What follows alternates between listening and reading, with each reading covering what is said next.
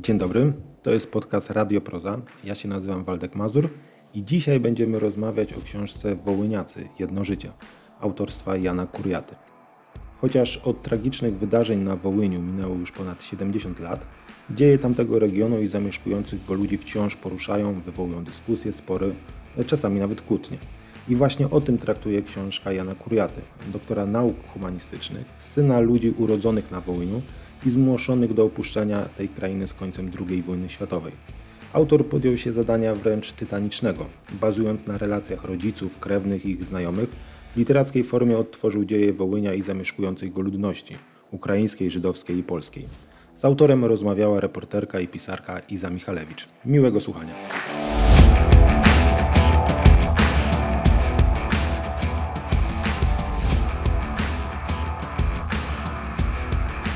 Dobry wieczór Państwu. Witam Państwa bardzo serdecznie we Wrocławskim Domu Literatury, w Flance, czyli w klubie Proza.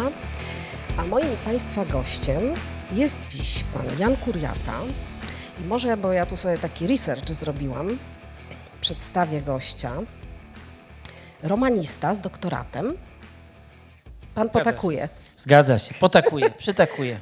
Nauczyciel akademicki, rektor Państwowej Wyższej Szkoły Zawodowej w Koszalinie. Miał pan też e, romans z polityką, czyli był pan posłem z ramienia Platformy Obywatelskiej. Kró- Krótko, bo przez rok wiceprezydentem Koszalina. Zgadza się? Wszystko prawda, jak do tej pory. Dobrze. Wyliczam dalej. Radnym Sejmiku Zachodniopomorskiego. Prawda. Kiedy pan to wszystko zdążył zrobić? No tam, Jest pan również tłumaczem przysięgłym języka francuskiego.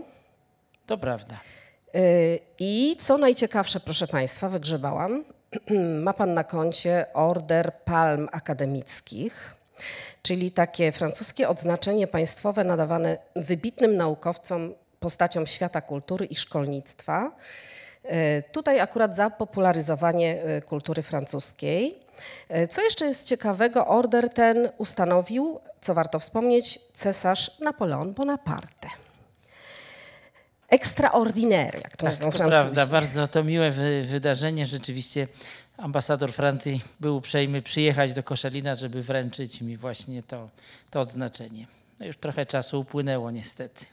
Dlaczego niestety? No, Ma pan czas- na koncie takie oznaczenie, czas nie każdy, nie każdy dostaje tako, takie wyróżnienie, także wielkie gratulacje. Dziękuję. Y, A spotykamy się tutaj dzisiaj wokół książki pana chyba pierwszej takiej dużej książki, prawda? Tak, jest to pewnego rodzaju bardzo dorosły, bardzo dojrzały, można powiedzieć, debiut.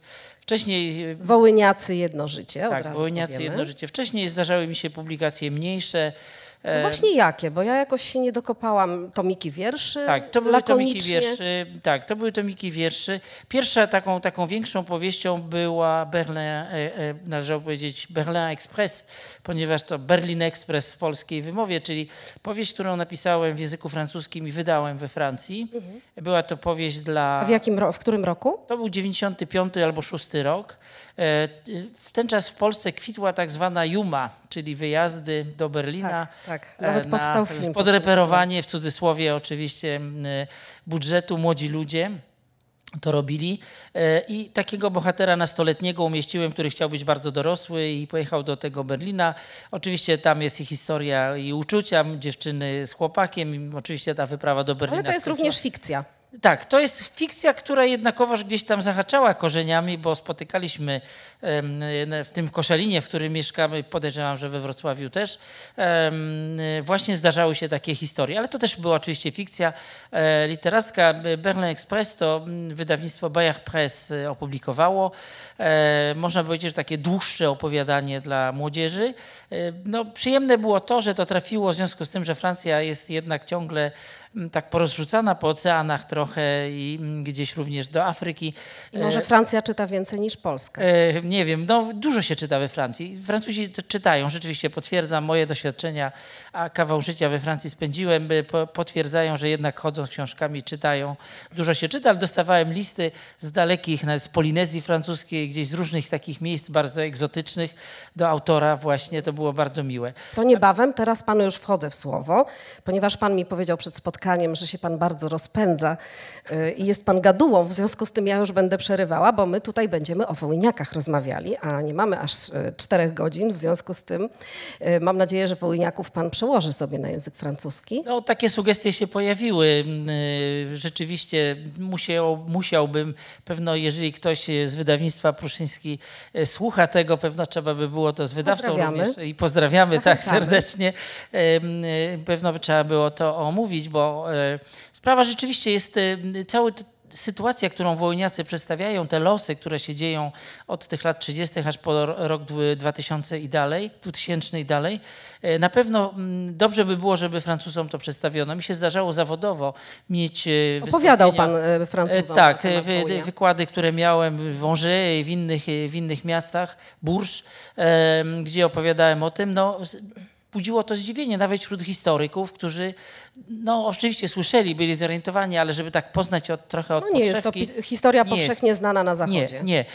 E, chciałem powiedzieć, że tutaj e, na przykład Niemcy dużo lepiej przedstawili swoje losy, swoje wypędzenie, które się zaczyna u nich w 1944-1945 roku. E, i ja we Francji znajdowałem sporo publikacji na ten temat, co zresztą było dla mnie zawsze takim motorem do, ze u przyjaciół czy znajomych powiedzieć o naszych losach. Jak gdyby no, współczujemy oczywiście cywilom niemieckim e, te, straszne przeżycia, Zaraz będziemy o tym tak rozmawiać. spotkały, ale być może właśnie Francuzom przydałoby się, na przykład Francuzom albo w ogóle Brytyjczykom na przykład poznać losy, e, których, które dla nich na pewno byłyby bardzo egzotyczne. Bardzo, to prawda. Y, I bardzo wstrząsające, to jest inna rzecz. A zaczyna się pana historia, którą pan opowiada w Wołyniakach w latach 30. y, ubiegłego wieku. W maleńkiej wsi Rudnia Łęczyńska. Y, To była taka wioska, która była jedną z Rudni, bo były jeszcze dwie pozostałe. Trzy. Trzy. Trzy. Była Rudnia Łęczyńska, Rudnia Sielska, Rudnia Bobrowska i Rudnia Potasznia. Z tego A Potasznia to też była Rudnia. też Rudnia. Rud, ta, Rozumiem. mówiono Potasznia. Powszechnie Tak, tak, używano słowa Potasznia, ale to była Rudnia Potasznia. No i napisał pan na wstępie właściwie w jednym z pierwszych, w pierwszym akapicie tej książki, że mm, e, właściwie to była bieda. Jak wyglądała ta bieda? Więc, zacznijmy od początku, tak chronologicznie, bo będziemy stopniować napięcie tak, jak robi pan to w książce wszystkim, którzy nas oglądają. Była bieda, wypytywałem tych żyjących świadków, którzy mieli w ten czas, no tak jak moi rodzice już byli dorosłymi ludźmi, ale też osoby, które były dziećmi, y, które gdzieś tam wracały pamięcią, więc bieda, po prostu bieda. Domy biedne, y, kryte najczęściej strzechą, nie we wszystkich domach, a w zasadzie w mniejszości były takie specyficzne klepiska, które gdzieś tam Nie było podłóg. E, nie było podłóg, więc podłogi były e, w części zaledwie domów. Nawet przecież w rodzinie no, kuriatów, czyli dziadka Kacpra, o którym pewno będziemy mówić jeszcze, Tak, e, który, który miał się za trochę bogatszego ch- chłopa, byśmy tak dzisiaj powiedzieli. Też było Też, klepisko. też było klepisko. Więc ta, ta, ta bieda e, po prostu była tak powszechna, że w zasadzie oni jej nie zauważali. Nie mieli na co dzień takiego kontrastu, żeby zobaczyć sobie, jak można żyć bardziej bogato, żeby, no, jakie sprzęty mogą być. E, Więc oni tego po prostu nie znali. Jak Później nie ten szok kulturowy y, na y, ziemiach zachodnich będzie straszliwy, ale o tym też za chwilę tak, powiemy. Dokładnie tak. Y, Czyli ta, ta bieda to właściwie była mm, taka ich druga skóra, można powiedzieć. No tak. po prostu y, tak, Tak się żyli, żyło, tak się tak żyło żyli. i przyjmowali to za naturalne. Byli bardzo skromnymi ludźmi, tak naprawdę, chociaż dziadek Kacper tutaj zawojował rodzinę, trzeba przyznać. Y, Dziadek Kacper... y, Czyli mój dzisiaj- pradziadek, mój Pana pradziadek. pradziadek, tak. To była postać dla mnie no, taka wyjątkowo twarda, taki herszt rodziny, bym powiedziała. Natomiast barciami się zajmował. Po prostu kiedyś mówiono, że jeszcze ule to takie niekoniecznie fajne, bo najlepszy miód jest z barci. Myślę, że oni nie wiedzieli tego, że e, miód z uli jest najlepszy. Nawet dziadek Kacper krytykował ule, które gdzieś tam się pojawiały. Tak. Natomiast on był wielkim pasjonatem, jak mój tata opowiadał i zresztą mama potwierdzała. To, było, to była jego ogromna pasja. E, No, do rodziny należało kilkanaście czy, czy, czy ponad, e, nie wiem dokładnie ile tych hektarów lasu, więc była to, to własność i oni do Proszę powiedzieć, bo nie wszyscy wiedzą, może już teraz googlają nerwowo, co to jest barć. No barszcz to jest taki ul w pniu drzewa, Właśnie. w zasadzie naturalny, który odpowiednio... Na pewnej wysokości. Na pewnej wysokości. To trzeba e, zaznaczyć. Tak, i jest istotne bardzo to, żeby, o tym też rozmawialiśmy, trzeba było umieć te pszczoły tam utrzymać, zanęcać. To już była ta właśnie ta wyższa, to, to nie było dzikie, tak, bo trafiały się dzikie barcie oczywiście, trzeba było te barcie zagospodarować i trzeba było je jak gdyby ucywilizować trochę, no i czerpać z tego korzyści. Oczywiście były mniejsze, jak e, domyślam się, tu nie mam, nie, nie robiono, e, że tego miodu jednak z uli pozyskiwano więcej. Już był, to, to nie, przecież ule były piętro wyżej, nazwijmy to cywilizacyjnie, jeżeli chodziło o pozyskiwanie miodu. Ale dziadek Kacper, jak e, zresztą pewno czytelnicy przeczytają albo już czytali, no, był w wielu momentach tradycjonalistą, nie uznawał nowinek, e, które... Nawet rozrzucania gnoju No tak. po polu, e, tak Państwu powiem, też byłam e, zdumiona, że e, dziadek, dziadek Kacper bardzo był, mm, powiedziałabym, niechętny wszelkim nowościom, jakie No bo nie wierzył. zawitały. No nie wierzył w to, że jak się ten gnój po polu rozrzuci, obornik byśmy powiedzieli, tak. i- i to- tak jak się mówi, że, że to da jakiś efekt. E, I Tak. to są no, Dopiero zobaczył, przekonania. że, lepsza, że lepsze zboże rośnie jednak. I też patrzył na to z nieufnością i to też mu przeszkadzało w przyznaniu się do tego, e, że no może się mylił, więc, e, Więc- tak łatwo jest się przyznać do... A no dziadkowi niezbyt było łatwo się przyznać do czegokolwiek. E, Niestety przez swój upór też, jak będziemy później czytać w książce, Państwo przeczytają, stracił życie. Ale chciałabym zacząć od tego, że narratorem Pana książki jest Pana tato. E, Jest to bardzo sprytny zabieg, ponieważ to jest taki narrator, który ogląda świat e, z pewnego rodzaju mm, dużą dozą naiwności, niewiedzy, i kompletnego braku informacji na temat tego też, co się wokół ludzi, wokół wsi, co się na świecie dzieje, bo Państwu trudno jest dzisiaj zrozumieć, którzy mają telefony komórkowe. Ja jeszcze pamiętam, jak nie było, stara jestem, ale, y, ale ym, y, sytuacja wyglądała w ten sposób, że y, ta informacja na temat wojny dociera do Rudni Łęczyńskiej przez właściwie y, leśni, leśniczego, który pojechał do Berezna pobliskiego i gdzieś od kogoś y, zasłyszał. Więc pana bohater, y, pana tato, który jest narratorem, opowiada całą tę historię z punktu widzenia tak, jak absolutnie wtedy czuł. I to jest niesłychanie wartościowe, y, niesłychanie piękne. I teraz proszę mi powiedzieć, bo wrócimy do tych barci, bo tu gdzieś się za, za, zaskakuje nadejście wojny i jak już ta wojna nadchodzi, to co mówi dziadek Kacper? A kartochli to i tak trzeba wykopać.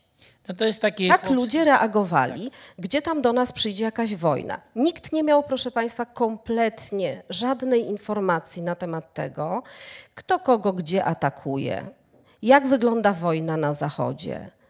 E, Kto właściwie, czy Niemcy podchodzą pod granicę, czy gdzie są w ogóle, gdzie kto jest. To, po prostu ludzie żyli w jakiejś wielkiej studni. No, to są właśnie te rozmowy, które toczyliśmy. E, Proszę pamiętać, że te rozmowy jednak toczyły się już w takiej pozycji post factum. E, Już, było, już była ta świadomość, a mimo to właśnie to, co słusznie pani A Pan mówi, oddaje przepięknie tę nieświadomość No, tych ludzi. no to jest właśnie starał się mi niezwykłe właśnie. No, no właśnie, to opowiadał mój, mój tata e, i dlatego, bo on jest jak gdyby rzecznikiem całej grupy. Jak, kiedy toczyłem te rozmowy, kiedy toczyłem, no rozmawialiśmy po prostu, to właśnie tata mówił tak jak pani powiedziała, tak jak gdyby to się odbijało w tym lustrze, o którym mówiliśmy. Spacerującym po gościńcu. Tak, spacerującym po gościńcu. Natomiast już e, część osób próbowała już robić politykę historyczną, tak bym powiedział, trochę w cudzysłowie całą rzecz biorąc. Natomiast tata z całą szczerością, bez próbo, próby ubierania tego w jakiekolwiek kolory czy przystrajania tego, po prostu opowiadał, jak to czuł. Więc dla nich e, e, ja myślę, że w miastach ludzie mieli oczywiście wiedzę. Były, e, w miastach były radia, był, był kontakt, były telefony. No, radio mieli Państwo tylko u Was jetonowie, nauczyciele No e, tak. szkolni. I to było, proszę Państwa, radio na dynamo. Nie wiem, czy Państwo wiedzą, jak wygląda radio na dynamo. Dzisiaj można spotkać czasami latarkę na dynamo, czyli kręci się tym kółeczkiem. Tak Natomiast radia na dynamo jakoś sobie nie jestem w stanie wyobrazić. Trzeba było dobrze kręcić. Żeby słuchać. ostro kręcić, Tak, żeby, żeby żeby, słuchać radia. jednym cięgiem, jak Tak, to mówią.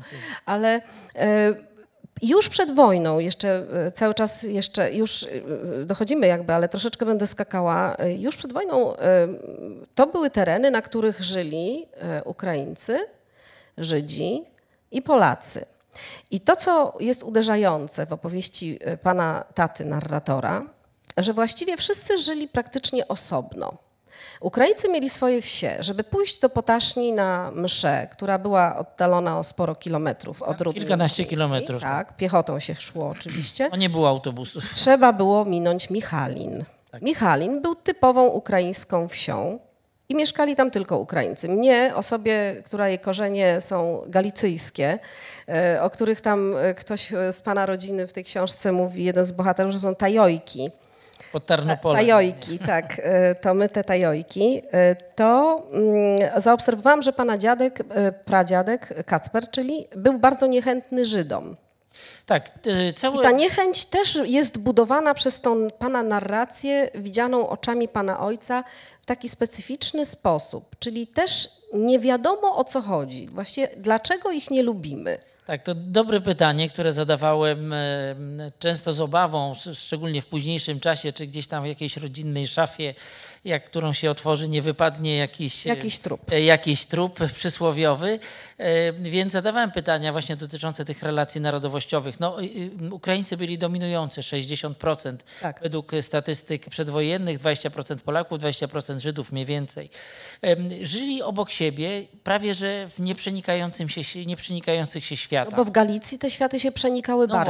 właśnie, więc no tego, właśnie. to dlatego ja to ze zdumieniem czytałam. No właśnie, więc tak to, tak to wygląda. Być może w miastach gdzieś to wyglądało inaczej. Tutaj każdy żył swoim życiem, e, chodził do swojej świątyni, czyli e, do, do cerkwi, do kościoła lub do synagogi. Em, Ślubów e, małżeństw mieszanych było bardzo mało. E, I ta, nie, ta, ta niechęć między poszczególnymi narodowoś, narodowościami była wzajemna. Polacy nie lubili Ukraińców, Ukraińcy nie lubili Polaków, Ukraińcy i Polacy nie lubili Żydów. E, Gdzieś to i ta niechęć na początku, tak jak dopytywałem, bo dopytywałem o to ze szczególną starannością, ona była taka, ktoś tak ładnie nazwał takim wiejskim antysemityzmem, ale ja bym aż tak daleko nie powiedział. To była tak zwana niechęć, która oczywiście brała się z... Dziadek Kasper tam wyjaśnia. Żydzi to wredny naród. Tak, Żydzi, Cytaty takie są. Tak. Żydzi to wredny naród. Tylko potrafią oszukiwać, a już najwięcej w handlu. Tak jest. Ponieważ chłopi, jadąc do Berezna, które było w 85% Tych kur źle Żydów, sprzedanych nie mogli darować. Oni nie, umie, znaczy, nie mieli kontaktu, to był też przejaw pewnego kompleksu, ponieważ spotykali się z kimś, kto był obrotniejszy, sprytniejszy. Oczywiście. E, potrafił sobie poradzić lepiej. Więc z tej bezradności po prostu brała się ta niechęć. To po, podstawą było, była zazdrość, niewiedza i jakieś takie, no trochę, tak jak mówię, no taki kompleks, który się rodził, bo zupełnie inaczej było w stosunku do Ukraińców. To, to zupełnie inne były. A tam jaka niechęć? Na czym tam ta niechęć polegała? Tu po prostu- Na niewiedzy, na E, jeśli chodzi o Ukraińców czy o Żydów? o Ukraińców. O Ukraińców ja myślę z tego się brało, że jednak było to poczucie, że oni dominują, że jest ich więcej, że jest się otoczonym Taki lęk żywiołem, taki, takie właśnie niewypowiedziane troszeczkę. Bo tutaj Ale to wszystko w tej pana książce właśnie jest. No, to jest tak mi- niesłychanie ciekawie opisane. no, tak, mi, tak mi opowiadano. Podskórny lęk. Takie właśnie taka sytuacja, która no, nie, nie wiodła, ona oczywiście zaostrzyła się tuż przed samą wojną. Zaostrzyła się y, właśnie między Polakami i Ukraińcami, bo jeżeli chodzi o relacje polsko-żydowskie, to one, one pozostawały mniej więcej na tym samym poziomie, nic tam się nie działo. To było mniej więcej to samo. Natomiast tu między Polakami a Ukraińcami te, napie, te napięcia wzrosły. Oczywiście to wynikało z tego, że różni kurierzy, wysłannicy, nie- niepod, zwolennicy niepodległości Ukrainy, e, no po prostu podgrzewali te nastroje. E, I, o, I oczywiście to się też przekładało automatycznie na relacje z Polakami, którzy, ale tam jest też jeszcze jeden moment, który chciałem powiedzieć o relacjach polsko-ukraińskich. Dziadek, e, pradziadek mój Kacper miał taką, taką, takie coś do rzęcia słomy, co się sieczka z tego robiła. Tak, tak. I to było niby urządzenie, które polegało na tym, że koń chodził i prowadzał to na, na takim dyszlu i przyjeżdżali mm, e, chłopi z okolicznych tam, e, czy wios, wiosek, czy, czy, mm, czy właśnie z tej, z, tej, z tej Rudni i właśnie ten pogardliwy stosunek do Ukraińców, że jeżeli w kolejce stały wozy ukraińskie, to jak przyjechał Polak, to on murzyki, bo tak nazywano pogardliwie Ukraińców, to murzyk musiał ustąpić miejsca Polakowi. Więc to jest taka, bardzo taka, taka, tak, taka, to jest tą właśnie, bo to nie jest tylko, że taki, taki obraz e, kresów malowniczych, Tak, ale naprawdę życie składa się po prostu z drobiazgów i z tych Tak. drobiazgów potem może nastąpić lawina i, i ta lawina niestety się zdarzyła. się I ten, zdarzyła. ten obraz, który ja zobaczyłem, który w mojej głowie został z tych opowieści, to był właśnie taki. Były chwile piękne, były, był podziw dla śpiewu dziewczyn ukraińskich nad, nad rzeką, wiele innych, ale też i były ciemniejsze strony, takie, które no właśnie potem Zaraz do tego dojdziemy. Tak, doprowadzały do E, rzeczy. To jest też opowieść, która zaczyna się, jeszcze ciągle nie wyszłam e, z przedwojnia, ale zaraz wyjdę. Mm, Bardzo się denerwuję, że możemy nie zdążyć. E, Gdzie pana dziadek ma 20 lat i podkochuje się w córce Rafała Halczuka. Tata mój ma 20. Pana tata ma 20 lat, ja już z dziadka Kacpra przeskoczę. E, I podkochuje się w córce Rafała Halczuka. E, To jest z kolei zupełnie dla mnie też niesłychanie ciekawa po- postać, głowa innej rodziny, która, z ko- której z kolei nieufność do Niemców uratuje życie y, właściwie rodowi, prawda? Dzięki temu przetrwają, ale o tym za chwilkę. I y, dziadek y, Kacper akurat, czyli pana pradziadek, go szczerze nie znosił. Swołocz, nie człowiek, tak? Więc to, to sobie zapamiętałam. To też u nas często używano w rodzinie. Swołocz, jakoś tak y, nieładnie. Y, W każdym razie y, proszę mi powiedzieć, y, bo piękny jest opis tego, w jaki sposób zaczyna się miłość pana taty i pana mamy. E, Spotykali się nad rzeką Bober. Ubr w zasadzie powinno się Ubr powiedzieć. powinno, ale ja celowo mówię powiedzieć. Tak. Bober, ponieważ ona funkcjonuje w powieści jako Bober i ta rzeka Bober, y, mała piękna i jest stuletnia sosna, pod którą się spotykają. I co? I pradziadek Kacper powiedział, że on się na to małżeństwo nie zgadza, jak oni się już na to małżeństwo decydują. E, Pamiętajmy o tym, że y, mała Juzia ma wtedy 15 lat, kiedy, No nie, już jak było... kiedy się poznają. Kiedy się poznali, tak. Ma 15 lat, kiedy się zakochują, to jest tak rośnie, ta miłość dojrzewa y, i rozwija się na przededniu właściwie wojny, tak trzeba powiedzieć. I oni decydują o ślubie i pradziadek mówi basta. To jest właśnie niezrozumiałe. To jeden z tych e, wątków, Więc tu które... nie ma tylko a, a jakby takich powiedziałabym y, y, niechęci y, narodowościowych, ale też No wewnątrz, Wewnątrz- chciałoby się powiedzieć Marksem klasowe. dokładnie tak. Klasowe we wsi. Przepraszam bardzo. No, to, to było jedno z tych elementów, których, z tych spraw, które jakoś ciężko mi było zrozumieć i, i rzeczywiście o których się ciężko rozmawiało. Wydaje mi się, że to, co potem się wydarzyło, o czym pewno będziemy mówić, to w jakiś sposób wymazało, zmieniło stosunek mojego taty, mamy do właśnie do, do rodziców taty. Natomiast w ten czas no, to jest niewyobrażalna trochę sytuacja.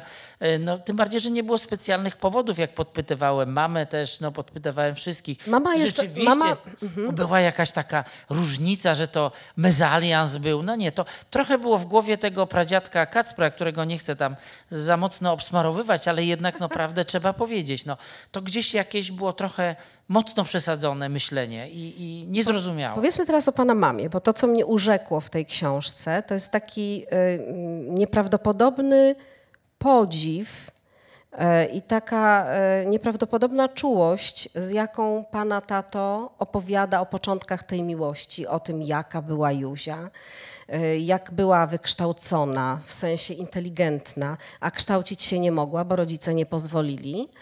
E, Także e, ileż więcej od niego wiedziała, jaka była dojrzała, umiała czytać i pisać, e, a większość e, w tamtej wiosce nie umiała. Musimy sobie przyznać, No albo że tam niewiele, słabo albo czytali, potrafiła albo niewiele. składać tylko, Tak, tak, tak. tak. Wie pani, sytuacja jest taka, że związek moich rodziców małżeński trwał już 67 lat. I do samego końca e, to była taka prawdziwa miłość. E, Ona miała czasami różne fazy, można powiedzieć, różne sinusoidy swoją, swoją, swoje meandry, można by powiedzieć, ale to była my, dzieci, wnuki, e, no właśnie bardzo ceniliśmy w rodzicach to, że oni przez ty, tyle lat e, zachowali to uczucie. To jest trochę niesamowite, bo tata jak już mama odeszła, mając już ponad 90 lat, mówił, że właśnie on pamiętał, bo Józia jak miała te 14-15 lat, to on już sobie ją upatrzył. Tak. Jak to się mówi, już tak powoli rękę Pan to trzymał. opisuje, że trzymał rękę na pulsie, Tak, delikatnie. Trzymał rękę na pulsie. I proszę spojrzeć, okazało się, że ta miłość przetrwała wszystkie. Przetrwała najgorsze, przetrwała, Przetrwała przetrwała e, potworne rzeczy i może y, y, wszystkiego Państwu nie opowiemy, ale y, wybucha wojna i co? I y, z tego, co sobie zanotowałam, to Państwa rodzice y, biorą ślub kiedy? W 1942 roku. W 1942 roku. Tak. Ale to jest taki rok, y, w którym właściwie nic się nie dzieje na tej wsi. No nic się nie prawda? dzieje, to Nic prawda. się nie dzieje. Jest po prostu marazm. Ludzie żyją. Jak to y, y, było takie określenie w książce, że tak troszkę jak przymarznięte muchy. Y, To już było w lesie, y, jak się. Nie, jeszcze nie, jeszcze nie. To było, proszę pamiętać, że w 1939 roku, o czym często zapominamy, e, te, ta część II Rzeczpospolitej stała się częścią Związku Radzieckiego, czyli Ukraińskiej Socjalistycznej Republiki Radzieckiej i ta mm, Ukraiń, ru- rusyfikacja, ona tam następowała. A dziadek Kasper, ruskie, nie ruskie, Tak, trzeba wykopać. robić. I tam tak naprawdę wielkiej ingerencji nie było. Po czym proszę pamiętać, że jak wybuchła wojna w 1941 roku, Tak. e, rosyjsko-niemiecka, to znaczy Niemcy zaatakowali Związek Radziecki, więc znowu nie, jak gdyby nic się tam nie działo. E, Ten ślub, który rodzice zawarli w 1942 roku, zresztą w lutym, W lutym, tak. 2 lutego dokładnie, e, to e, no, bo, bo chcieli, tak? Bo chcieli ten e, wbrew e, stanowisku rodziny. E, I pana tato poszedł mieszkać do Tak. rodziny żony, co Tak było jest. nietypowe na No tak czasy. się, tak się nie robiło, ale to był właśnie ten przejaw tej sytuacji, która, no, która no, podzielonej rodziny, na, nad czym tata zresztą zawsze jak opowiadał, to e, z, wielką, z wielką przykrością. I w 1943 roku, w lutym, e, no właśnie dzień po dniu, e, urodziła się córka Jadzia, która jest na zdjęciu. Tak. W tym roku skończy e, 79 lat. Pozdrawiamy. E, tak, także jeżeli nas ogląda, to pozdrawiamy. E, I ja również chciałem, e, przepraszam, że taki nawias zrobię, ale jest z nami córka brata, najmłodszego brata mojej mamy, Wicka, którego Wićkiem nazywano tam na Włyniu, Ewa, Ewa Halczuk, Bardzo która się miło. przysłuchuje, bardzo się cieszę i dziękuję jej, że jest z nami i tutaj kon, kontroluje czasami, czy ja prawdę mówię do końca. Będzie przerywać w razie czego. Y, Ale cóż, y, ten 42 rok to jednocześnie dochodzą do wioski takie symptomy likwidacji getta, o czym dowiadują się e, pana rodzice, a właściwie pana tato w momencie, kiedy jedzie do Berezna. Tak, tak. I wjeżdżają, proszę państwa, e, wozem i pytają, a gdzie są Żydzi? A miasteczko jest puste. no, gdzie są ludzie? Gdzie są w ogóle ludzie? Gdzie są się ludzie? podzieli ludzie? To jest bardzo mocny moment, bo Tak. e, rzeczywiście w świadomości m, e, mojego taty, który to właśnie tak spontanicznie opowiadał, e, Berezne, bo w zasadzie polska pisownia to Bereźne. Bereźne. E, ale tam mówiono Berezne. Berezne. Jedzie się do Berezna, wróciłem z, Berezn, z Berezna. Nie mówi się tak jak do Zakopanego w Zakopanem, tylko taka swoista oboczność w odmianie. E, Więc jak oni tam, 85% e, według statystyk, bo- to sprawdziłem akurat, procent mieszkańców to, czyli ponad 4 tysiące to był, była ludność żydowska. Tak. E, I właśnie tam gdzieś latem na poziomie mniej więcej lipca, e, może troszkę później, e, właśnie mm, zostali wyprowadzeni z tego getta berezyńskiego, które było utworzone i po prostu Niemcy ich rozstrzelali. Pomagała im w tym policja ukraińska.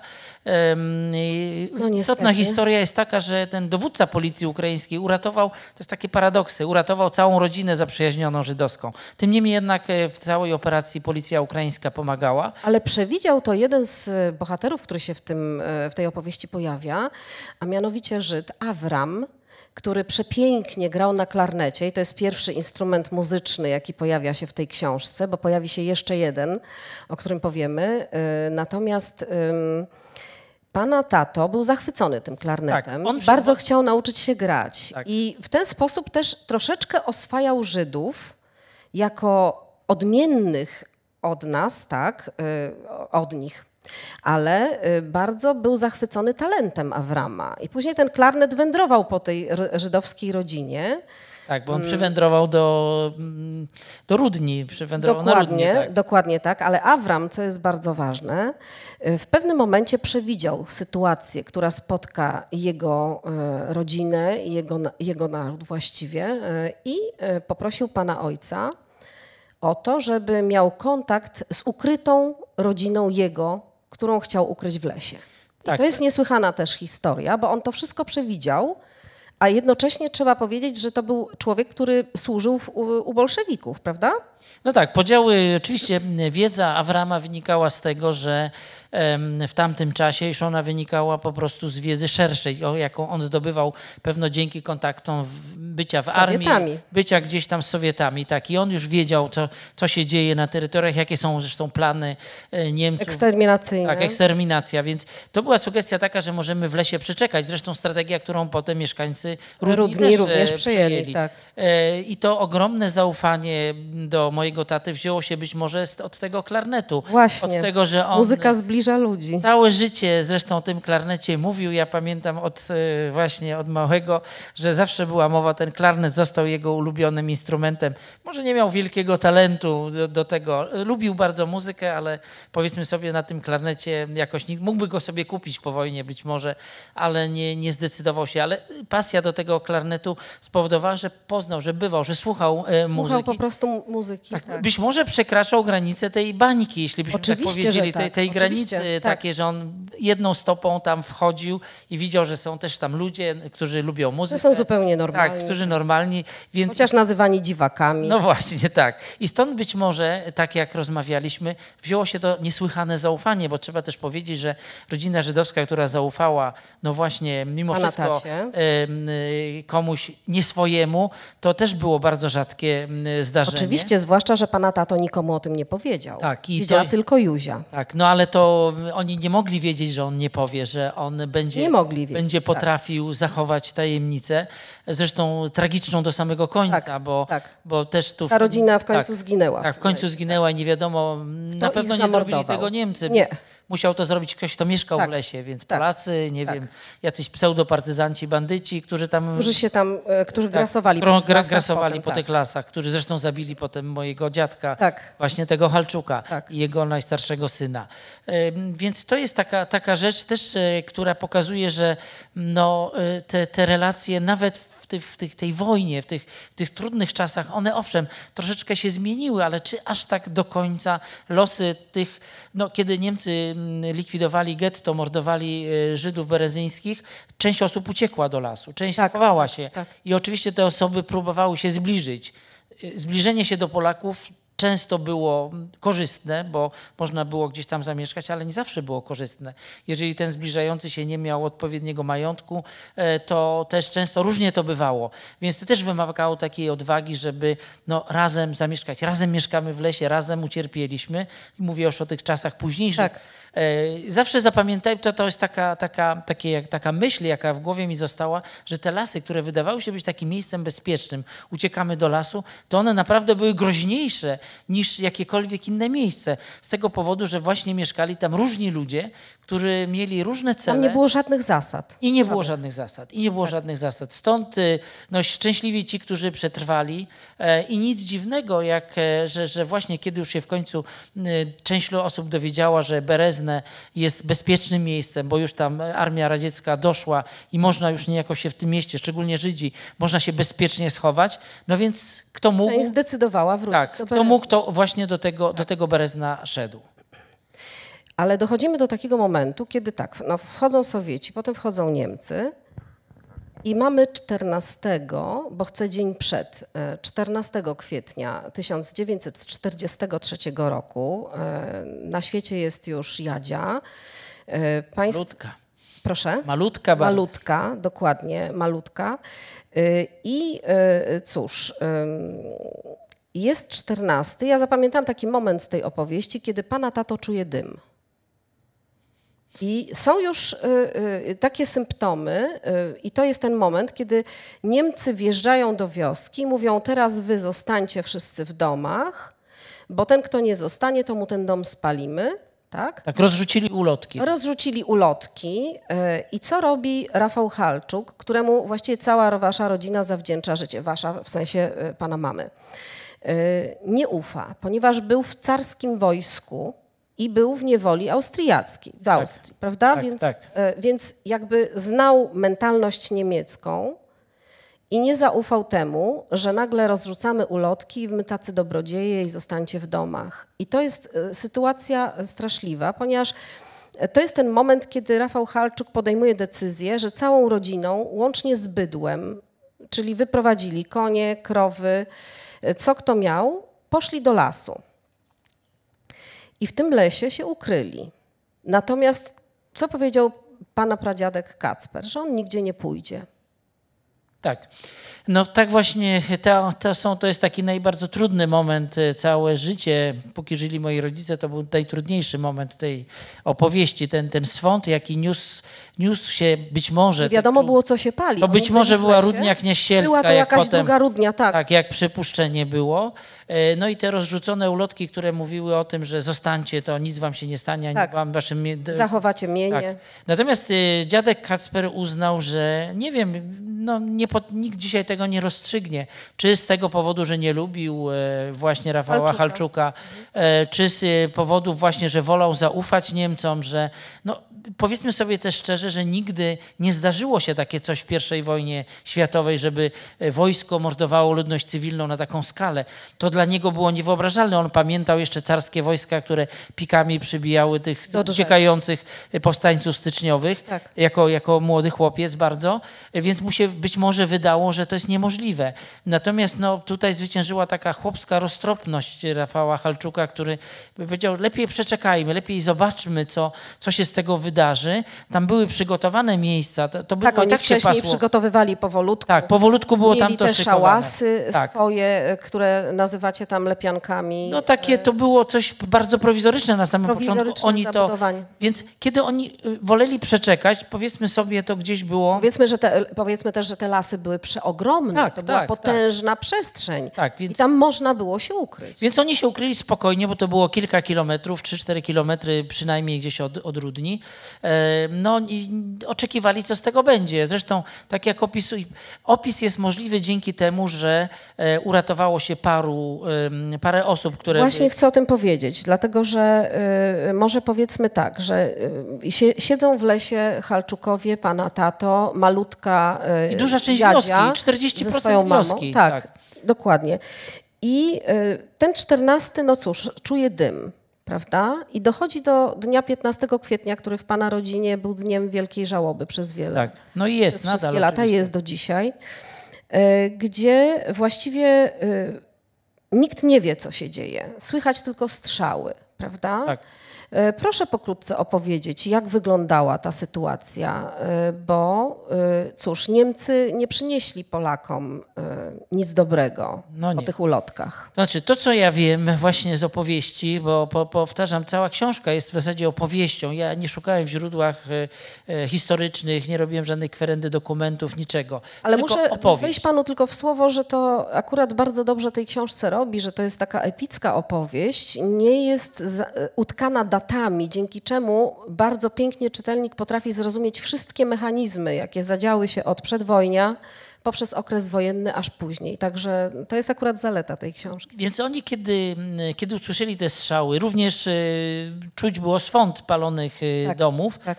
E, więc oni dopiero tak naprawdę dowiedzieli się, jak, co się wydarzyło od tych uciekinierów. Którzy uciekli, Tak, którzy uciekli. E, Więc Niemcy. Niemcy, którzy otoczyli całą wioskę, przywieźli ze sobą również wozaków ukraińskich, którzy z wozami, którzy pomagali potem zabierać różne rzeczy z tej, z tej miejscowości. I to zresztą uratowało życie tym osobom, ponieważ te osoby, Tak. kiedy ludność zgromadzono w szkole i na placu przed szkołą, gdzie polecono kopać wielki dół i kopano ten dół, dół, i oni tak. zrozumieli o co chodzi, co będzie się działo, stało. I, I kiedy wpadli w rozpacz. i wpadli w Część czar- osób tak. zdecydowała uciec. No, część Wozacy zabito. ukraińscy stali. Tak. I oni ruszyli w stronę tych wozów ukraińskich, gdzie Niemcy do Ukraińców nie chcieli strzelać. Tak. Dzięki temu Dzięki przez temu te wozy się przedostali. I oni jeszcze widzieli wyprowadzanych pierwszych. Ucieczka nastąpiła wtedy, kiedy już wyprowadzano pierwsze szeregi z tej szkoły, w której byli zamknięci mieszkańcy, czy tam przed szkołą, i rozstrzeliwano pierwsze szeregi. I w ten czas dopiero tak naprawdę, tak naprawdę wszyscy, no, ten strach zwierzęcy, jaki tam był opowiadany, i oni wszyscy e, oni usłyszeli opowieść, jak to się wszystko wydarzyło, e, dopiero od tych osób, które uciekły. Proszę, mhm. Tak? I ta opowieść oczywiście była e, no, powtarzana trochę tak jak pewnego rodzaju no, relikwiarz, tak? więc te, te, te słowa były przekazywane, że to właśnie tak... Mańko to Kuriata ocalał, już czytam tutaj, i opowiedział o tej zagładzie między innymi. Przeżyła Lonia, czyli Lonia była razem E, mama, czyli, czyli nie, to e, ciocia, czyli Ciocia. ciocia, moja, bo Tak. była razem... pilnowała krów. Tak, była razem z Halczukami, można Tak, by powiedzieć. Tak, tak. I przeżył, y, muchorowscy przeżyli, Przeżyło 40% prawie mieszkańców tej Rudni. któ- którym udało się tak, uciec, którzy uciekli tak. do lasu, tak. To oni... Potem co? W nocy jest, jest sytuacja e, koszmarna, bo w nocy część mężczyzn decyduje się pójść do wioski i zobaczyć, Kobiety też, część stało. kobiet też. To, to wszyscy, no nie wszyscy. No. Kobiet też, Też, tak? no, część- A to jest część, bardzo tak, ważny moment w tej Tak, książce. część ruszyła państwa. po prostu, no wszyscy chcieli zobaczyć. co się Czy stało? wszyscy zginęli. No. Tak. A, a, jednak, bo gdzieś tam się roiło, że może coś się wydarzyło. I to właśnie to są te niezapomniane chwile, które... Tak, ja chciałabym tutaj zacytować, y, proszę Państwa, ponieważ bardzo trudno jest opisać y, tragedię y, w taki sposób, jak Pan to zrobił. Y, A ja sobie tutaj odnotowałam z wykrzyknikiem przeczytać. Tak. Podniosłem posłusznie łopatę i stanąłem na brzegu prostokąta. Stanąłem na brzegu prostokąta. Ostrożnym ruchem odrzuciłem trochę ziemi. Łopata zahaczyła o coś miękkiego. Pochyliłem się i rękami rozgarnąłem piasek. To była twarz mojego brata Janka. Patrzył na mnie szeroko otwartymi oczami. Szybko rozgarniałem ziemię. Obok wyprężała się twarz dziadka Kacpra. Spod szyi dziadka spoglądały na mnie zamknięte oczy mojej mamy. Rzuciłem łopatę do tyłu i wstałem gwałtownie. Dygotałem cały i drżały mi ręce. Mój teść odwrócił się do przybyłych, którzy cofnęli się w przerażeniu kilka kroków i powiedział niby normalnym głosem. Oni tu wszyscy leżą, Mańko dobrze mówił. Wszystkich zabili. Mimo, że stali tu sami mężczyźni, tu i tam rozległy się szlochy, ale ja ich nie słyszałem. Oprzytomniałem, jak nadeszły kobiety i dzieci. Spora część prostokąta była od, odsypana, ale ciała spoczywały jedne, ciągle jedne na drugich. Lonia trzymała się Juzi i teściowej i tylko na krótko podbiegła do mnie cała w spazmach. Nie umiałem jej pomóc. To jest zdanie, które sobie podkreśliłam. Ludzie w przerażeniu nie wiedzieli, co robić. Miałem wrażenie, że trwa jakaś niewyobrażalnie straszliwa scena, że dzieje się coś, co nie jest prawdziwe. I to jest jeden fragment, i kolejny, który mną wstrząsnął. Szlochy i pojękiwania mogły rozerwać serce każdego, ale w tym szale i rozpaczy to bardzo często kobiety miały więcej odwagi i determinacji w wydobywaniu ciał. Wszystko działo się nocą. No tak, tak mi opowiedziano. To był zawsze, to był zawsze ten moment najtrudniejszy, bo myślę, że póki żyli rodzice, oni te obrazy mieli przed oczami. To było coś, co było dla nich jakąś taką e, świętością, coś, co było dla nich e, no, wręcz też nie do opowiedzenia trochę. Ja oczywiście starałem się oddać e, w jakiś sposób to, co do mnie docierało przez lata. Przecież ja tych opowieści, em, ja te opowieści słyszeli, słyszałem przez wiele lat. To, to wracało przy okazji każdych świąt, to wracało przy okazji każdej rocznicy, to wracało przy różnych zresztą okazjach i e, no gdzieś być może usłyszałem to, wszyscy może słuchali, ja usłyszałem e, i postanowiłem opisać to, oddać tę właśnie straszliwą krzywdę i to, że to było pokryte potem milczeniem. 93 członków pana rodziny, sześciu? 90... E, Paru. e, Tak, 90 paru powiedzmy, o, kuriatów bliższych i dalszych, bo kuriatów tam było bardzo wielu.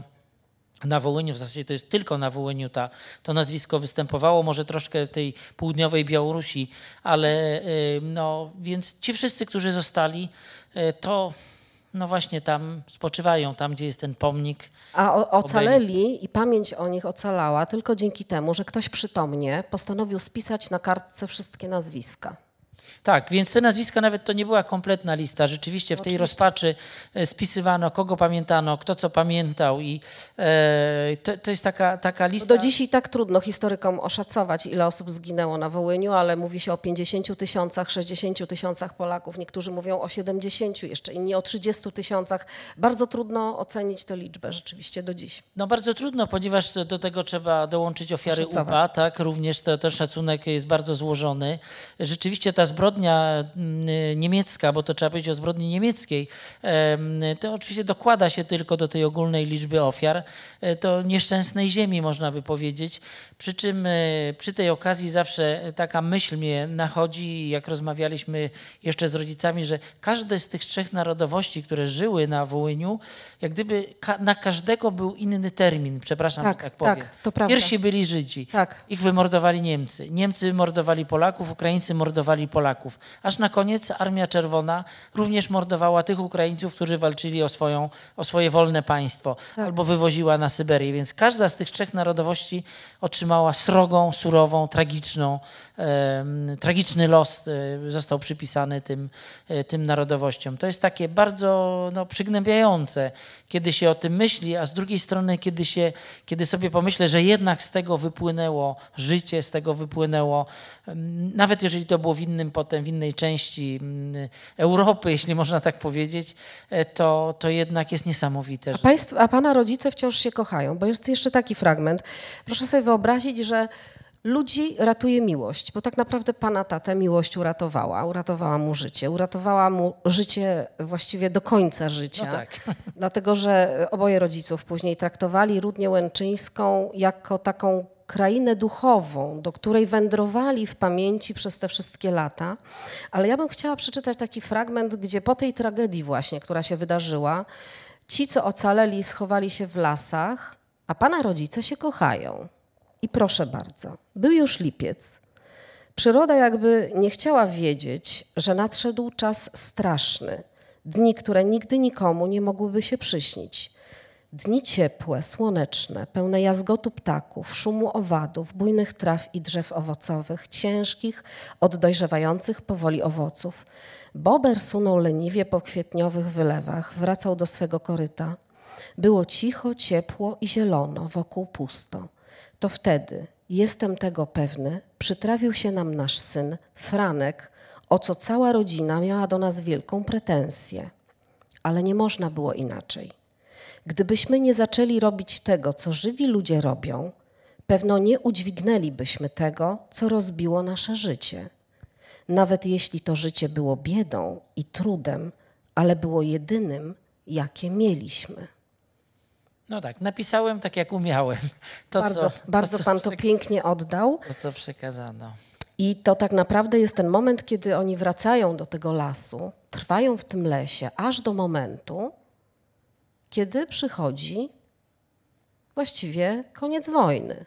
Tak, to znaczy koniec wojny, tam przyszedł ten taki jak my uznajemy. Oni wszystko dostawali z opóźnieniem. Pamiętajmy, że te informacje tam docierały, jak już dawno gdzieś koniec wojny się wydarzył. Wyzwolenie tak zwane, o którym się uczyliśmy kiedyś w dawnych czasach, ono miało miejsce wiosną 1944 roku. Przepraszam, ale to nic nie zmieniało w życiu mieszkańców Rudni i innych, którzy ukrywali się po lasach, ponieważ oni czekali, kiedy wróci tam Polska. A, kiedy dokładnie będzie, tak. Kiedy będzie normalnie, kiedy, wró- kiedy oni odbudują swoje domy. Ale zauważmy, że czekali na to jeszcze długie lata, mieszkając już na ziemiach zachodnich. Tak, ale, tam, mieszkając w tym lesie, wierzyli, że to się stanie. Dlatego takim wielkim zaskoczeniem było to, że mm, kiedy pojawiła się, pojawiła się Armia Czerwona, i oni nie wiedzieli, że były to Kazano im zmienić dowody. NKWD powiedziało im, wy obywatele Związku Radzieckiego, Ukraińskiej Socjalistycznej Republiki Radzieckiej, e, no możecie, my wam pozwalamy Zostać. pojechać do Polski. Polski. Albo zostać, Tak, albo pojechać. zostać Macie i wybór. żyć i pracować. Tak, tak. Możecie pojechać sobie do Polski. No, ym, nie potrafili sobie wyobrazić, co to jest ta Polska, tak? Co to jest... y, to było dla nich zupełnie, e, zupełna magia. Przy czym tutaj dużą rolę też odgrywało, odgrywali księża katolicy, którzy przed wojną, o ile odgrywali nie najlepszą rolę, o czym też mi rodzice opowiadali w ich mniemaniu, to tutaj jak gdyby poszła taka sugestia była i, i pod, podpowiedź, że jedźmy tam, na pewno wrócimy, to za chwilę wybuchnie wojna amerykańska. Amerykanie po prostu Tak, rozwiążą problem rozwiążą problem, wrócimy. tak jak wszystko Deus Tak ex machina tak. na- nastąpi. No więc właśnie, mimo tej ogromnej rozpaczy zapakowali to, co mieli. Co, cóż oni mogli mieć w tym lesie? Józio miał wtedy, y, przepraszam, Franio. Franio Franek miał urodził się w wtedy 44 roczek, roku, Miał tak. roczek, jak rodzice opuszczali A Jadzia dwa, a Jadzia dwa, A Jadzia no ponad dwa. dwa, bo Jadzia z, z tego, jest z, właśnie z lutego. Dokładnie, więc 40. Józio y, y, miał, Franio, co ja z tym Józiem, Franio y, miał roczek i trzeba jeszcze pamiętać jeden taki aspekt, który właściwie był bardzo dramatycznym momentem. Pana mama ciężko zachorowała na tyfus i ledwo przeżyła. Tego już nie, wszystkiego nie będziemy w stanie Państwu opowiedzieć, ale jest to niesłychanie pasjonująca historia, jak się mamę ratowało z tego Tak, lasu. tak. To jest niebywałe, zachęcam Państwa do czytania. Natomiast y, wsiadają do tych wagonów, które gdzie ładują cały dobytek, gdzie po drodze jeszcze Rosjanie próbują gwałcić polskie kobiety. Y, Rozgrywa się absolutny dramat pożegnania z ziemią, gdzie pamiętam taki moment, jak oni jechali i pana mama powiedziała te grzyby, bo było mnóstwo grzybów Tak. wtedy. Wszyscy opowiadali, którzy... Po prostu całe mnóstwo Tak. dywany grzybów i, twa, i tato pana zaczął te grzyby zbierać, a potem doszedł do wniosku, że i tak pogniją, a mama powiedziała, te grzyby nas żegnają. No, My tu już nie wrócimy. no właśnie, taka... No, odprowadzali ich też To jest ten rodzaj intuicji kobiety, Być może, które tak, mają. Być może. tak, tak by chyba trzeba było powiedzieć, że e, tak to było traktowane, choć gdzieś tam w głębi duszy na pewno była ta nadzieja, że wrócimy. Oczywiście, cała Ale też i przeczucie, że niekoniecznie, To niekoniecznie była ta tak, tak zwana intuicja. Tak, Tak, tak, tak. tak, tak I się- rodzice wsiadają, jadą tymi wagonami przez wiele godzin. Trzy godziny do samej granicy, o ile dobrze pamiętam. Potem wiele godzin. Czas im się poplątał tak, potem i zupełnie. w tym czasie zaczyna chorować synek. Tak, to była biegunka, dezynteria. Niestety. i I umiera. to jest też dramatyczny moment, bo dziecko trzeba pochować, prawda? I gdzie ono zostaje pochowane? Ono w zasadzie zostaje pochowane w miejscowości, pod miejscowością Trachenberg, czyli dzisiaj Żmigród, gdzieś tam złożone właśnie pospiesznie. Nie znacie już miejsc Nie, nie znamy. Do Właśnie chciałam zapytać, znamy. czy, Nie. czy udało się ustalić. Niestety po wojnie nie udało się ustalić. Oczywiście rodzice zawsze o nim pamiętali przy wigilijnych spotkaniach i innych zawsze był przywoływana jego pamięć, ale miejsce fizycznego pochówku nie udało się odnaleźć. Mhm. Nie udało się odtworzyć potem. Rodzice docierają na ziemię zachodnie i przeżywają kompletny szok cywilizacyjny. Tak? Jak wszyscy. E, Którzy przyjechali murowane domy, niekryte strzechą. E, nagle zamieszkują i tutaj jest też niesłychany dysonans, bo muszą mieć do czynienia z Niemcami. Mieszkaliście, państwa, pana rodzina, pan opisuje, jak zamieszkują z niemiecką rodziną, która miała e, oczywiście seniora rodu Fritza. E, była to Helga, o ile dobrze pamiętam. E, I Helga grała na fortepianie. I to jest drugi instrument, który się pojawia Tak, który był w tym domu. W, w tym domu e, niemieckim, do którego zostaje dokwaterowana niejako pana rodzina. I oni muszą w tym domu razem egzystować. I jest też ogromna nieufność. E, e, I ta, ta nieufność podskórna też tak wędruje przez tę książkę, aż do momentu, kiedy rodziców pana odwiedza inna Niemka, która z kolei została wygnana z domu, w którym oni już zamieszkali na Pomorzu. na Pomorzu. Ale chciałabym e, e, wrócić do tego momentu, kiedy oni sobie próbują ułożyć życie i cały czas myślą o tym, że wrócą do Rudni. Ta Rudnia jest tą Arkadią, o której marzą, a jednak trzeba ciągle żyć. Więc to mama bardziej była taka, powiedziałabym e, tutaj przy, przy, bliżej ziemi. No jak większość kobiet, które tych wśród wołyniaków, jak się okazuje. To, Tak, bo dzieci trzeba wychować, wykarmić i tak dalej. Pana ojciec został kolejarzem. tak. E, bo w pewnym momencie nie było e, z czego żyć. Nie jesteśmy w stanie opowiedzieć tych wszystkich losów, ale są naprawdę pasjonujące. Ja czytałam z wypiekami na twarzy, jak Niemiec uczy polskich chłopów, w jaki sposób używać młockarni. E, co to właściwie jest y, y, Snopowiązałka. snopowiązałka, jak to wszystko wygląda, jak oni stoją oniemieli po prostu, że to tak można. No bo tego nie jak mieli są tam. drogi brukowane, prawda? Jak jest elektryczność w każdym jest domu. autostrada. Jak jest autostrada, nad którą się chodziło Tak. na wycieczkę pieszą, No prawda? tak? No Patrzeć. nieodległe było. To Nieodległe, ale się chodziło patrzeć, czasami coś przejeżdżało. To był jeszcze ten moment. Takich dróg się nie, nie, nie widywało. Nie widywało się dróg takich. Drzew tyle owocowych, Tak. których nie było wtedy, No bo Niemcy obsadzali swoje drogi drzewami owocowymi, Tak, czereśniami. które kwitły przepięknie, a tego, a no tego jeszcze ja już jako Wołyniu- dziecko świetnie A pamiętam. tego na Wołyniu nie było, Nie, prawda? nie było. Więc rodzice nie się jakoś organizują. Zaczyna się kołchos. Tych wszystkich losów nie jestem w stanie Państwu. Nie, ile my mamy czasu? Bo ja tak mogę jeszcze długo. Ile mamy czasu? Ile możemy, tak? Tak, Alleluja i do przodu. Dobrze, w każdym razie jest taki dramatyczny moment, kiedy y, to jest bodajże rok 47 albo 6. E, To pan mi podpowie za chwilę, kiedy Niemcy muszą się wyprowadzić z tego domu, w którym razem e, rodzice zamieszkują. Przeżywają razem wspólną wigilię, gdzieś tam z tymi Niemcami jednak jedną wigilię. e, Wspólną, chociaż się mijają. Niemcy mieszkali tak, jakby ich nie było w tym domu, prawda? Chociaż mieli dwoje dzieci. To dzieci bardziej się kolegowały, Integrowały. integrowały, bawiły wspólnymi zabawkami. Ale ta jedna wigilia, w każdym razie chcę dojść do tego dramatycznego momentu, kiedy Fritz, który uczył polskich chłopów na własnych sprzętach, musi wyjechać, a jeszcze była dramatyczna sytuacja z jego córką, która została wielokrotnie zgwałcona. Synową, to była jego To była synowa. synowa, tak? Tak. E, Wielokrotnie zgwałcona przez e, polskich, milic- polskich e, No, milicjantów. mieli też. takich szabrowników, oni tam udawali milicjantów. To I ten fortepian, który stał przepiękny, e, chcieli Go ukra- ogromny, chcieli go ukraść. po e, prostu. po prostu sięgnął i dał, sięgnął bruku, Tak. e, czyli po prostu chcieli go wynieść przez okno i No, on im wypadł i się rozbił, wypadł po prostu ro, roztrzaskał. Bo Helga była pianistką, Tak. która grała Tu we, no, Breslauer Filharmonii, Wrocławskiej, tak. wrocławskiej, dokładnie. Także była artystką i to też jest dramatyczny moment, kiedy y, pana tato y, i inni przychodzą, żeby do tej stodoły ją stamtąd y, zabrać, prawda, po tym wielokrotnym gwałcie. Dramatyczna sytuacja. I jak pana tato właściwie odbierał tych Niemców?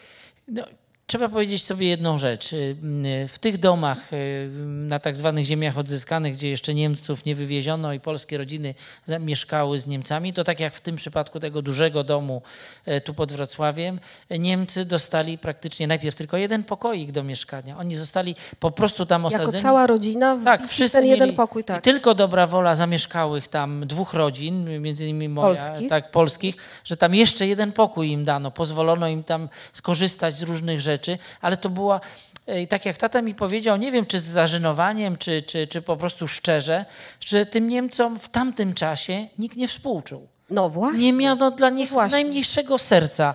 Oczywiście tylko był odruch taki, że u większości zresztą wołyniaków, e, którzy przyjechali, jak to często bywa u ludzi biednych, e, którzy żyli w takich wspólnotach, można by powiedzieć, jakieś takie serce po prostu, że ich nie, nie, nie traktowano jakoś szczególnie okrutnie, ale też jednak nikt się z nimi tam nie, Nie zaprzyjaźniał. nie zaprzyjaźniał. Nawet ta wspólna wigilia, to wspólne tam bycie, no cóż oni... Też było takie dotykanie się No przez to bo się szybę. okazało, że na zdjęciu jest no co, syn ubrany w mundur, W mundur. Tak. armii nie- niemieckiej, no to ciężko było to. Dzieci tam nawiązywały troszeczkę jakiś kontakt, a więc to, to tego Mimo, że ci Niemcy jednak przeżywali dramat. e, no, wi- więc to, co się kobieta. przydarzyło tej kobiecie, Tak, tej pseudomilicjantów, no, to już to było to przekroczenie tej czerwonej kreski. To już było to za dużo. Niemca można było popchnąć, nakrzyczeć, zamknąć go w małym pokoiku, nie wiem, no, ograniczyć jego przestrzeń życiową i to akceptowano. Choć to oczywiście też było no, nieludzkie, powiedzmy sobie, z naszego dzisiaj punktu widzenia. No pana tata miał wiele takich wahań. Ale, ale, ale, ale właśnie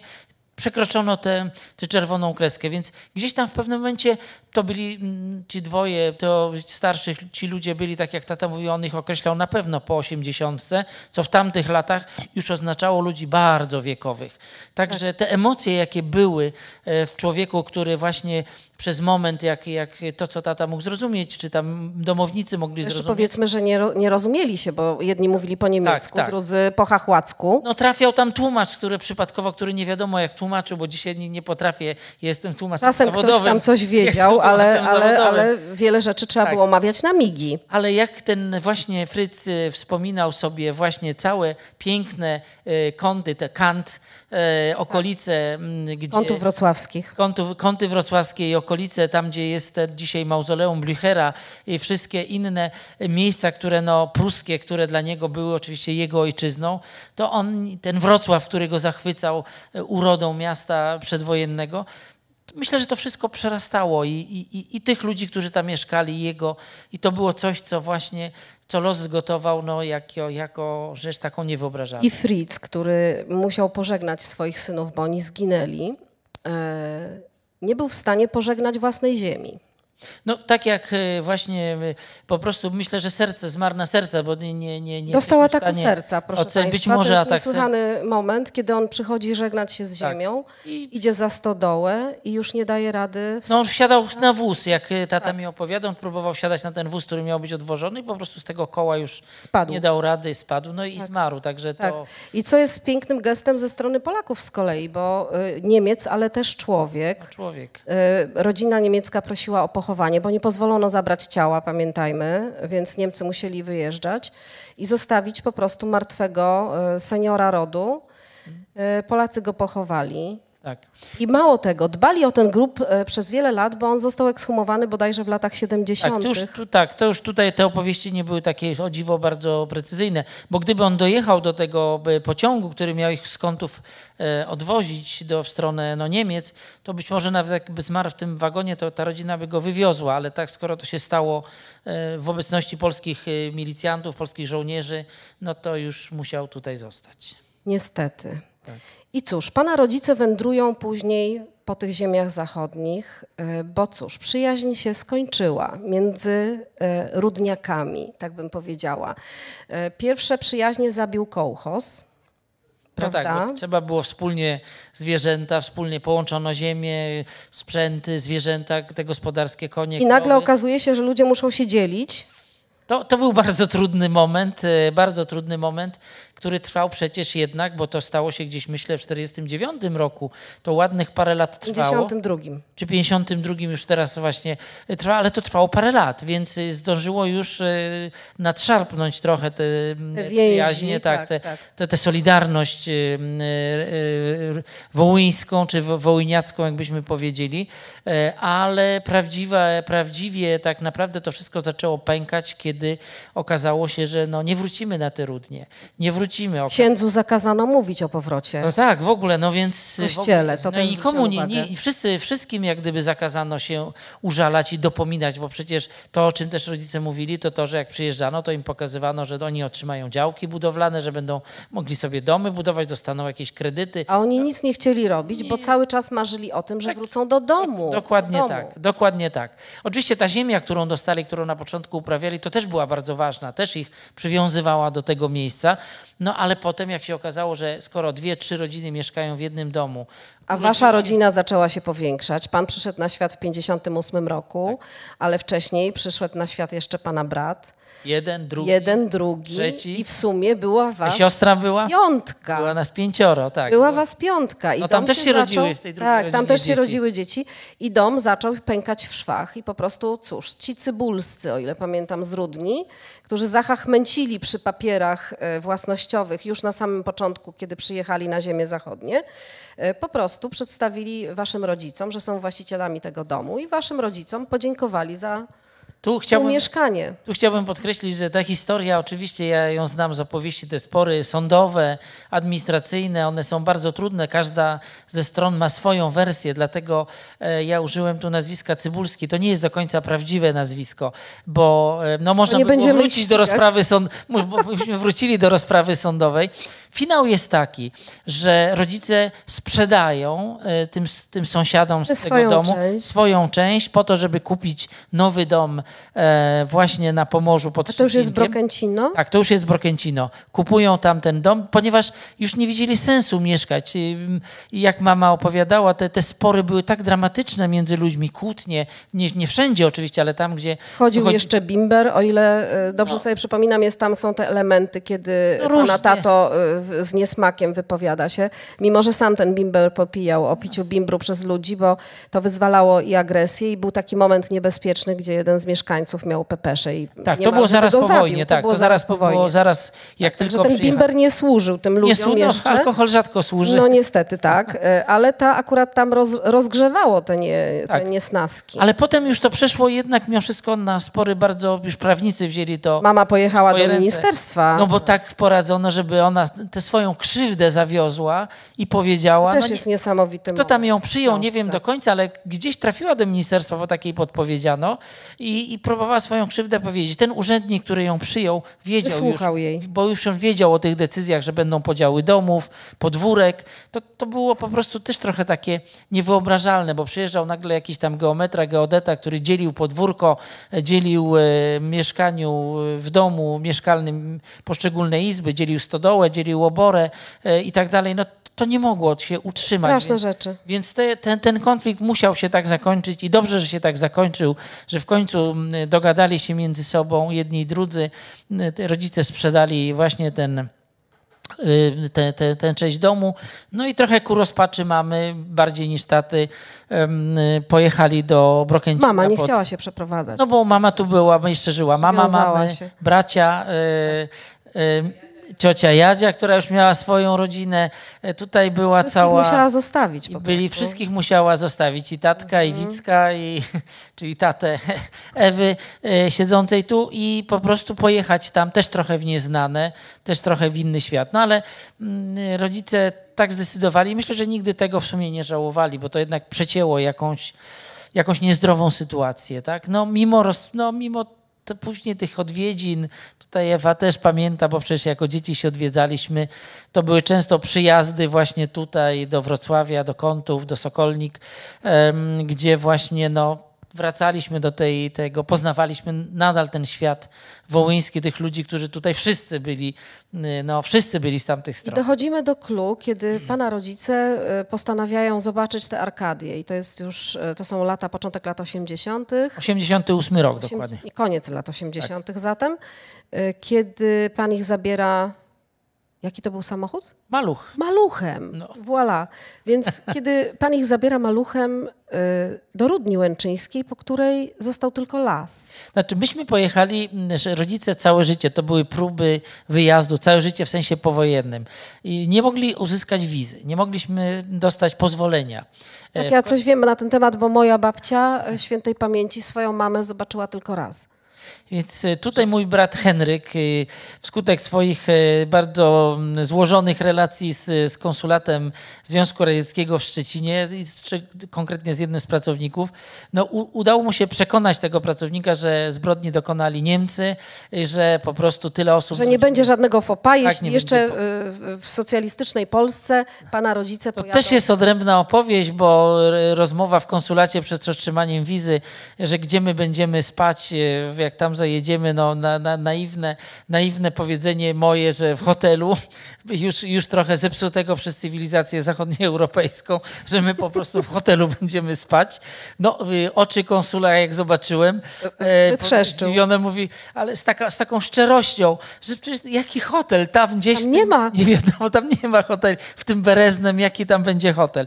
Mieliśmy na szczęście adres osoby, która, e, Ukraińców, którzy mieszkali w Kostopolu. To było miasto powiatowe przed wojną. Dzisiaj Ukraińcy go nazywają Kostopil, e, więc że tam mamy adres i tam będziemy spali. I dzięki temu dostaliśmy tę wizę i w końcu udało się, no właśnie wsiedliśmy w Malucha i przez Warszawę, m, odwiedzając jeszcze znajomych. Ta jama na jamie, jak to mówią Ukraińcy tam, ja nie wiem, ja jak zajechałam do Lwowa, to zerwałam podwozie, więc No, myśmy jechali, os- ja jechałem ostrożnie, bo to jest maluch, więc zachowywałem ostrożność e, w bardziej prowadzeniu. E, W każdym razie e, Pana rodzice docierają do tej e, Rudni e, Łęczyńskiej. Jest las, stoi tam oczywiście jakiś taki postument, znaczy to jest, to jest? No, taki obelisk, Obelisk. z gwiazdą. W ten czas to był Obelisk taki z obelisk z gwiazdą, gwiazdą, z- ogrodzony płotkiem. Tak jak zdjęcia pokazują Tak, tak, książce. tak, jak ktoś z tak, Państwa tak. będzie czytał, to na końcu jest ten- zapraszamy do obejrzenia Tak, do tych zdjęć właśnie. E, I na tym obelisku oczywiście jest napis niezgodny z prawdą, tak. że tu zginęli Polacy, którzy pomagali Radzieckim partyzantom. radzieckim partyzantom. partyzantom. Mieszkańcy Rudni Łęczyńskiej. Tak, mieszkańcy Rudni. Łęczyńskiej, co jest oczywiście bzdetem. Mam nadzieję, że to ktoś kiedyś zmieni, jeżeli w ogóle się uda jakoś, e, e, nie wiem, czy pan się kiedyś dowiadywał? No jeżdżą, jeździły tam, w tej chwili ten, to miejsce wygląda inaczej. Kiedy my przyjechaliśmy razem z naszą przewodniczką na to miejsce, kiedy samochód się zatrzymał, no to rodzice byli ciężko zaskoczeni, bo zatrzymaliśmy się w środku lasu, tego obeliska nie było A to widać. jest, a to jest Rudnia. A to jest Rudnia, mówią, i to, to zdjęcie, które jest na okładce, kiedy rodzice idą, to jest główna droga Rudni. Po obu stronach stały domy, e, z tego oczywiście nic nie zostało, tylko ten obelisk. E, e, No i właśnie mm, zostawiliśmy rodziców i ta, ja, ja też zostawiłem rodziców sam na sam z tym, z tym miejscem, bo przecież w tym miejscu byli pochowani, są pochowani wszyscy, wszyscy także i moi bliscy, ale, ale rodzice, taty i, i wiele innych bliskich osób. I to był taki ogromny szok. A to to ciężko odchorował. tak. On był takim bardzo pewnym siebie. Miał w ten czas 70 lat, już pamiętajmy. E, A to młody facet jeszcze. młody facet, oczywiście. Umówmy się, halo. Tak, tak, powolutku dochodzimy też do tych lat. E, I więc e, wydawało się, że wszystko jest fajnie. Martwiliśmy się o mamę, wzięliśmy całą torbę leków nasercowych, bo mama zaczynała mieć kłopoty z sercem. Tymczasem się okazało, że mama to bardzo tato nie precyzyjnie Znowu, a to tato nie wytrzymał. On przeżył coś w rodzaju takiego Myśmy tylko mogę porównać dla młodszego pokolenia, jeśli nas słucha, przejścia do Matrixa takiego, że nagle jemu się wydawało, że te czasy wróciły. Ja panu powiem, co to jest. To jest PTSD.